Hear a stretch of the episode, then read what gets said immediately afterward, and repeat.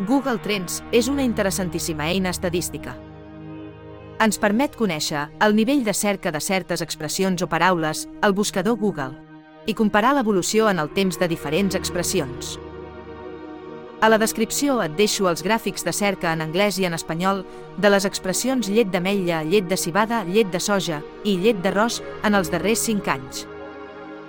Hi ha tres coses a ressaltar.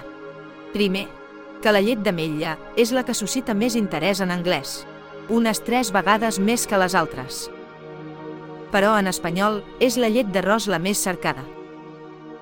Segon, ha anat pujant l'interès per la llet de cibada en tots dos idiomes. Avui duplica l'interès de fa 5 anys i està al nivell de la primera. El tercer punt a ressaltar és el que dona títol a aquesta càpsula informativa. Cada mes de gener, totes aquestes llets alternatives dupliquen el seu interès a la xarxa, aconseguint pics de fins al doble d'interès. I al llarg de l'any, l'interès torna a baixar fins a arribar a un mínim al desembre. Cada any es repeteix aquest cicle. Què podria explicar aquesta periodicitat tan marcada?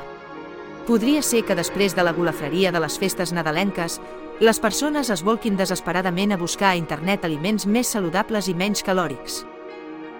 Tu què dius? Datòfils. Busquem, analitzem i compartim dades. Escolta'ns a YouTube, Telegram o a la teva app de podcast.